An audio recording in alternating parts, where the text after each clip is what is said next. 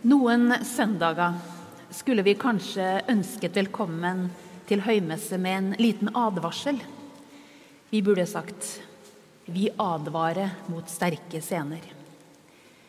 I fasten er det sterke scener nesten hver søndag i tekstene. Både Satan, demoner og djevler tar plass. En skulle kanskje tro at en fikk fred fra slikt i kirka. Kanskje forventer vi et trygt rom uten å bli minnet om alt ondt. Men fasten er tiden da vi tar på alvor kampen mellom det gode og det onde i vår verden. Rundt oss og i oss. Det er en tid for å våge å se det som truer livet vårt, og samtidig henvende oss til det gode og kjempe for at det skal få plass.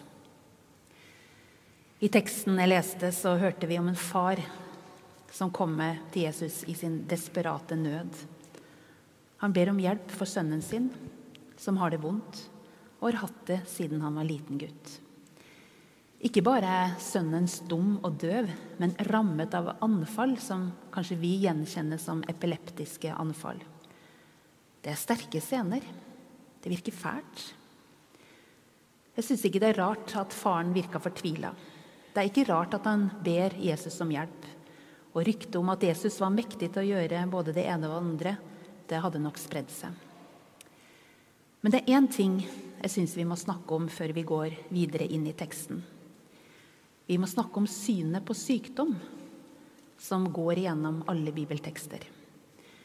For i antikk og jødisk medisin så mente man at sykdom skyldtes demoner.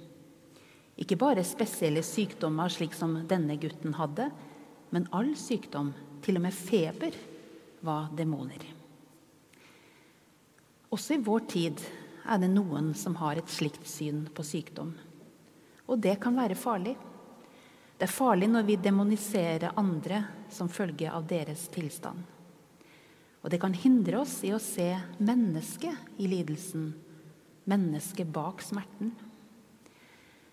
Og selv om moderne legevitenskap gir oss god kunnskap om sykdommers årsak og virkning, så er det noe som ikke kan besvares. Bl.a. hva det er som gjør at noen rammes og andre ikke. Det hører med til det vi kan kalle lidelsens uutgrunnelige problem. I fortellingen så virker det ikke som om Jesus er opptatt av å korrigere datidens sykdomssyn. Han er ikke så opptatt av hva årsaken til sykdommen er.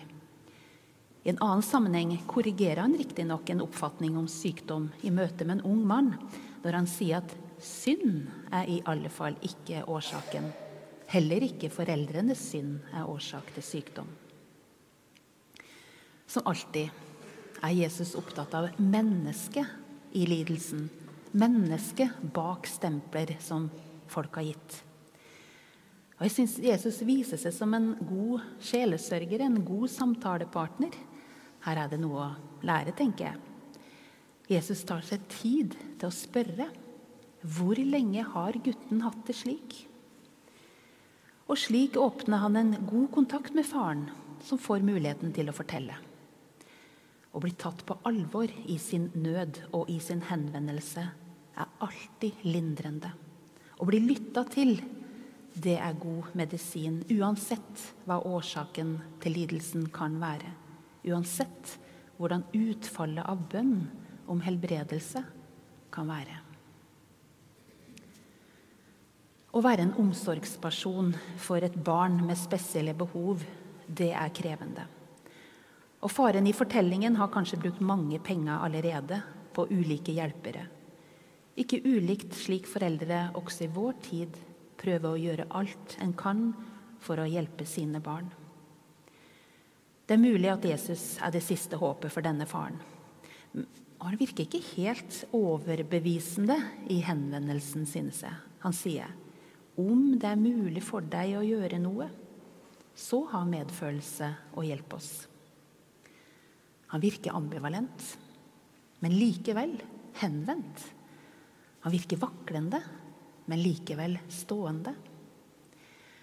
Og det er da faren roper noe som jeg tenker er søndagens hovedsetning. Han roper, 'Jeg tror, hjelp meg i min vantro'. Snakk om kompleks setning. Er ikke det to gjensidig utelukkende begreper? Kan en både tro og ikke tro? Tydeligvis. Og erfaringsvis er det vel flere av oss som kan kjenne oss igjen i det ambivalent, men likevel henvendt. Troende og likevel hjelpeløst ikke-troende.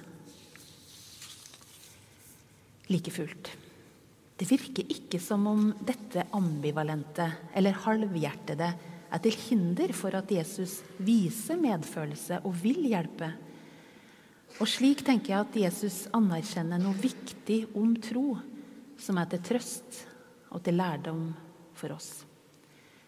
For tro er kanskje nettopp det å komme slik. I sin nød eller desperasjon eller komme slik som livet er. Og tro er å henvende seg, selv om en kan kjenne seg delt eller ambivalent. Og tro er ofte å be om hjelp, som betyr å innrømme at eh, vi ikke er selvtilstrekkelig. og det er derfor det er tilstrekkelig tro å komme slik en er med livet sitt. Intet mer, intet mindre. Kanskje tro er å rope. Den svenske forfatteren Per Lagerkvist utga i 1953 et dikt som finnes i samlingen Aftonland. Og det var bare to år etter at han fikk Nobelprisen i litteratur. Og gjennom hele hans forfatterskap så går de samme temaene igjen. Forholdet mellom det gode og det onde, om Guds eksistens, om viljens frihet. Han går inn til benet på de mest komplekse problemstillingene. Han er ikke redd for de sterke scenene. Kanskje han er en fastens forfatter. Men han tvilte trolig på at det kunne finnes noen Gud med all ondskapen verden hadde sett rett etter andre verdenskrig. Og likevel, han kan ikke komme forbi at det er noe som får mennesket til å rope. Rope til noe utenfor seg selv. Og Jeg leser litt fra diktet. Jeg leser på svensk så godt jeg kan.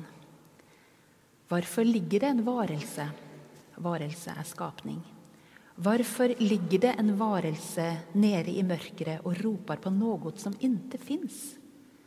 Hvorfor forholder det seg så? Det fins ingen som hører at noen roper i mørket. Men hvorfor fins ropet? Hvorfor fins ropet? En lagerkvist fastetro er kanskje 'jeg roper, altså tror jeg'. Faren til gutten ropte. Og Det finnes mange ord for rop i Det nye testamentet, men dette ropet som brukes i denne greske teksten, er det samme ordet som ble brukt om Jesus sitt rop på korset før han åndet ut. Tenk at det er det desperate ropet i livets yttergrense. Et rop i lidelse. Det er et håp at dette ropet fins. Jesus sitt rop. For dette ropet er sammen med oss og for alle oss mennesker som vet hva lidelse er.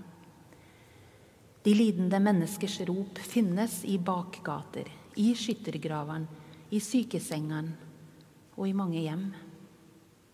Og vi vil tro det fantes da hundrevis av mennesker ble skutt på mens de sto i matkø i Gaza tidligere i denne uka.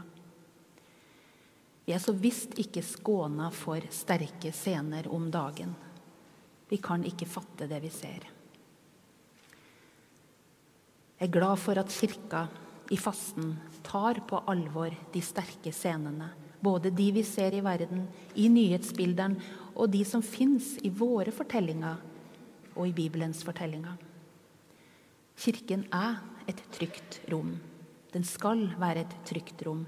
Det er derfor vi kan hente inn og dele fortellinga om det onde og det som truer. Ja, det onde fins. Her i kirkens rom så møtes vi av Jesus sin fortelling, som kjemper sammen med oss, og som har overvunnet det onde. Overvunnet med kjærlighetens kraft. Det er Guds kjærlighet som er det eneste som vinner over det onde. Og Til sist så kan vi be med dagens bibeltekst. Jeg tror. Hjelp oss i vår vantro. Vi håper, men hjelp oss i vår håpløshet. Vi elsker, men hjelp oss i vår likegyldighet. Gi oss nytt håp, ny tro og ny kjærlighet. Amen.